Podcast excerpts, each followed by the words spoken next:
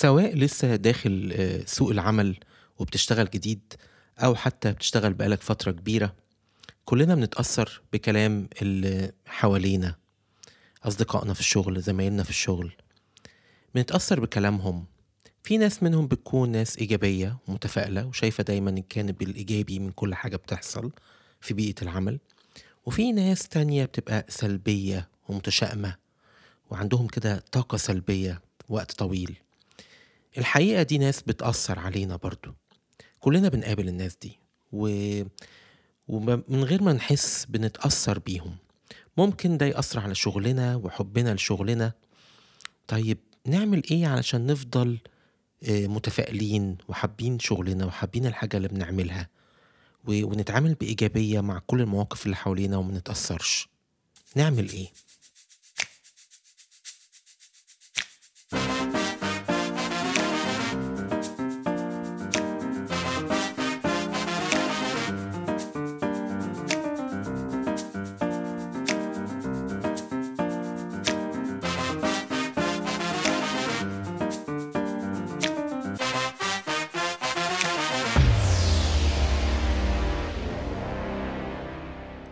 أهلا بيكم في حلقة جديدة من بودكاست خطوة البودكاست اللي بيتكلم عن كل ما هو هام لتنمية شخصيتك وخلق أفضل فرص لنجاحك واستمتاعك بالحياة. معاكم آه، ماجد اسكندر والنهاردة هنتكلم عن موضوع الحقيقة يهمنا كلنا. يهم كل من هو في سوق العمل بيشتغل في شركة في, في مكان كلنا آه، الموضوع ده بيأثر علينا. الحقيقة النجاح الوظيفي أو العملي مهم ولكن بيقابلنا دايما في تحديات كتير في رحلة الشغل دي منها التعامل مع شخصيات سلبية. قبل ما نعرف نتعامل مع الموضوع ده إزاي خلينا نفهم أكتر هي إيه أنواع الشخصيات دي اللي إحنا بنتكلم عليها النهاردة. هما يعني هنتكلم عن مجموعة آه، شخصيات هما بنحس دايما إنهم بيبثوا آه، طاقة سلبية في المكان. خلونا نتكلم عن كام شخصية كده منهم. أول حاجة الشخصية اللي بنسميها دائم الشكوى. دائم الشكوى ده اللي هو دايما عنده حاجة يشتكي منها. يعني لو الشغل كتير بيشتكي إن الشغل كتير. لو الشغل قليل بيشتكي إن وقته فاضي وإن الشركة ما بتستغلش إمكانياته وإنه عنده وقت فاضي وبيزهق. لو القسم بتاعه فيه عدد قليل والشغل كتير هيقول الشغل كتير علينا. لو العدد كبير هيقول الناس كتيرة على الشغل. أنتوا ليه معينين الناس دي كلها؟ دايما عنده حاجة يشتكي منها يشتكي من المواعيد يشتكي من اللوائح يشتكي من البعد عن المكان بيته الشركة مش موف- موفرة لي مثلا مواصلات. دايما عنده حاجة بيشتكي منها دائم الشكوى. يعني بيصحى الصبح كده من النوم ها بقى هشتكي من إيه النهاردة؟ ده نوع من أنواع الشخصيات. النوع التاني نوع بقى متشائم. مش بس بيشتكي لا هو متشائم. هو شايف الدنيا ضلمة. الدنيا سواد. إحنا رايحين في داهية.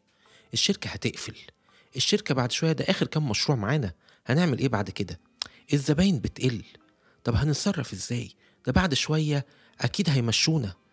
وهكذا. هو دايما متشائف شا- شايف الدنيا سودة.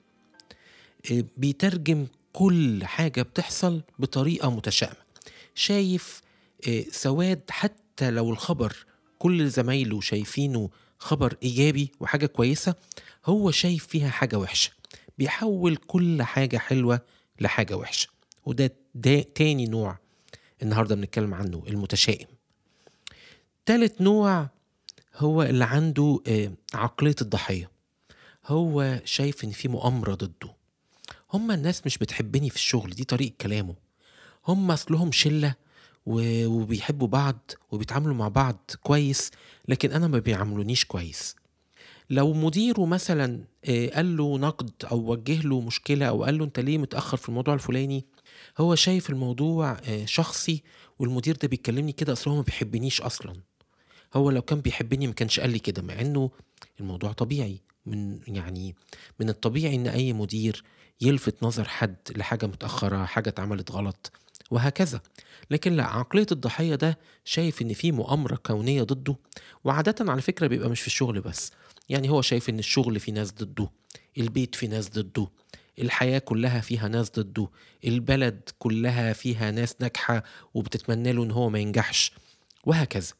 يعني دي طريقة تعامله مع الحياة إنه دايما حاسس إنها عقليته إنه ضحية آه، ناس تانية. آه، أنا حبيت أقول لكم الثلاث أنواع دول عشان تفهموا يعني إيه ناس سلبية حوالينا في الشغل. إحنا قلنا ثلاث أنواع. آه، دائم الشكوى المتشائم الضحية. دي أنواع بتبث في الشغل طاقة سلبية حوالينا. من المهم إن إحنا نفهم إن الناس السلبية دي أكيد ليها أسبابها. عندها أسباب لسلوكها ده. ممكن أسباب مختلفة ممكن نشأة آه، اتولدوا في بيئة آه، ساعدتهم بشكل ما على ده اتأثروا حصل لهم أزمة. يعني عقلية الضحية ده ممكن يكون حصل له مشكلة وهو صغير فعلا وفي ناس آه، أذته. فهو متخيل إن العالم بعد كده كله بيأذيه. وهكذا ممكن تكون على فكرة تربية. يعني ممكن يكون حد نشأ في بيت البيت كله متشائم فبيطلع هو كمان متشائم. شايف دايما متوقع الحاجة الوحشة دايما. وهكذا. وكعادتنا في بودكاست خطوة إحنا بنحاول نقدم آه، يعني نصايح آه، تفيد تفيدنا تكون نصايح عملية تفيدنا نتعامل إزاي في المشكلة اللي بنتكلم فيها. النهاردة بنتكلم في مشكلة إنك في بيئة سلبية في الشغل. حواليك مجموعة متشائمين محبطين وهكذا. طب أنت هتعمل إيه؟ هقول لك آه، أربع خطوات سهلة حطها حلقة في ودنك تعامل بيها مع الناس المتشائمة والسلبية دي. أول حاجة حافظ على تقدير مشاعرهم وموقفهم. يعني ما ينفعش تروح تقول لهم لا أنا مش مقتنع بكلامكم وتعاند معاهم وتقول لهم أنتوا بتفكروا غلط وكده. ده هيخلق إنك هيحس إنك مش حاسس بيهم ومش حاسس بكلامهم وده مش هيفيدك وهيبوظ علاقتك معاهم. أمال تعمل إيه؟ يعني لازم تبقى مقدر موقفهم. اللي اللي شايف الدنيا سودة ده عنده أسباب زي ما قلنا تربية معينة نشأة معينة بيئة معينة. عنده مثلا قلة مهارات إن هو ما تعلمش في حياته إزاي يتعامل مع ضغوط الحياة وضغوط الشغل. فده بالنسبة له مهرب إنه يطلع عن المشكلة في الشغل وفي الشركة وفي أصحاب الشغل وفي إدارة الشركة وهكذا. فمعلش قدر موقفه آه، بس ده مش معناه إنك تبقى سلبي زيه. لكن علشان تعرف تساعدهم آه، حافظ على علاقة كويسة معاهم. دي أول خطوة. تاني خطوة حط حدود. ما تخليش سلبيتهم تستنفذك. حافظ أنت على نفسك. حط حدود وليميتس يعني آه أنا حاسس بيك وحاسس بمشاكلك لكن ما تزحلقش زيه وتفكر زيه. خلي عندك فكرك أنت ورأيك أنت. كون أنت رأي ووجهة نظر ولما تتسأل قول رأيك أنت.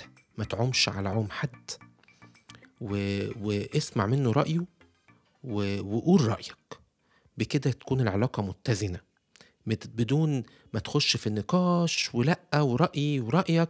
لأ هو الراجل بيقول مثلا أنا شايف إن الشركة هتقفل وعندنا ظروف والمبيعات قلت وبتاع وده إحنا هيمشونا وهتبقى كارثة. أنت برضو قول رأيك. لأ المبيعات قلت المبيعات ما قلتش ولا حاجة. الشهر ده ده طبيعي في كل سنة. الشهرين دول المبيعات بتقل شوية وبتطلع تاني. خلينا نشوف المواضيع بطريقة موضوعية. قول رأيك بهدوء. حط حدود. يبقى تاني خطوة تحط حدود. تالت خطوة دور على أي حاجة إيجابية تطلع منهم مرة في سلوكهم وشجعهم فيها وامدحهم. يعني أول ما تلاقي حد منهم كده غلط كده وشاف حاجة كويسة قول له الله ده أنت يا أخي خليتني أتفائل وبتاع وحلو قوي ان إحنا نتفائل وكويس إنك شفت الجانب المضيء ده وكويس إنك شفت الحاجة الإيجابية دي وهكذا امدحه. فهو يتعلم إن السلوك ده حلو. يبدأ مخه يتعلم إنه إن الناس هتمدحه لما يكون شايف حاجات كويسة مش شايف حاجات وحشة على طول الوقت. رابع حاجة يعني حافظ على يكون في تواصل بناء. ممكن لو في فرصة مثلا تتكلم مع حد لوحده بلاش مجموعة. اتكلم معاه بالمنطق. اشرح له إن مثلا طريقة تفكيره دي مأثرة عليك. وعلى فريق العمل كله وإن دي حاجة مش كويسة ودي حاجة ممكن تأذينا كلنا لأن إحنا لما هنقعد نفكر كلنا بطريقة سلبية طب وبعدين؟ ما ده هيأثر على أدائنا وهيأثر على شغلنا وبالتالي هيحصل فعلا نتائج وحشة. إحنا اللي بنحقق النبوة دي إنه في حاجات وحشة لأن إحنا لما بنصدق قوي ده بيأثر على أدائنا في الشغل فيخلي الشغل يتعمل وحش فنوصل فعلا لوضع مش كويس. كمان ممكن تلفت نظره لدوره في الموضوع. طيب إحنا دورنا إيه يا فلان؟ طيب ما إحنا لو فعلا المبيعات بتقل كده طب إحنا ممكن نعمل إيه نخليها تزيد؟ الموضوع مش ظروف حوالينا وخلاص إحنا إحنا بنشتغل في المكان ده. دورنا نعمل إيه؟ دور على دور نقدر نعمله. إيه اللي في إيدينا ممكن نعمله؟ دايما بيبقى في حاجة. دايما في حاجة نقدر نعملها بس إحنا مستسهلين إن إحنا نرمي المشكلة على الظروف وعلى المديرين وعلى الآخرين وهكذا. دي كده رابع حاجة. بالاربع خطوات دول هتعرف تتعامل مع أي بيئة سلبية. خلي بالك الموضوع ده خطير وممكن يأثر عليك جدا ويخليك لو انجرفت ورا مجموعة بتبث فيك أو حتى واحد بيبث فيك طاقة سلبية عن الشغل وعن الإدارة وعن أصحاب مثلا الشركة اللي أنت بتتكلم بتشتغل فيها. ده هيخليك تكره الشغل وتكره الوظيفة وتكره المكان. وفي الحقيقة ممكن يكون الشغل مش وحش كده ولا الشركة وحشة ولا حاجة وكلها أفكار وخيالات في دماغك.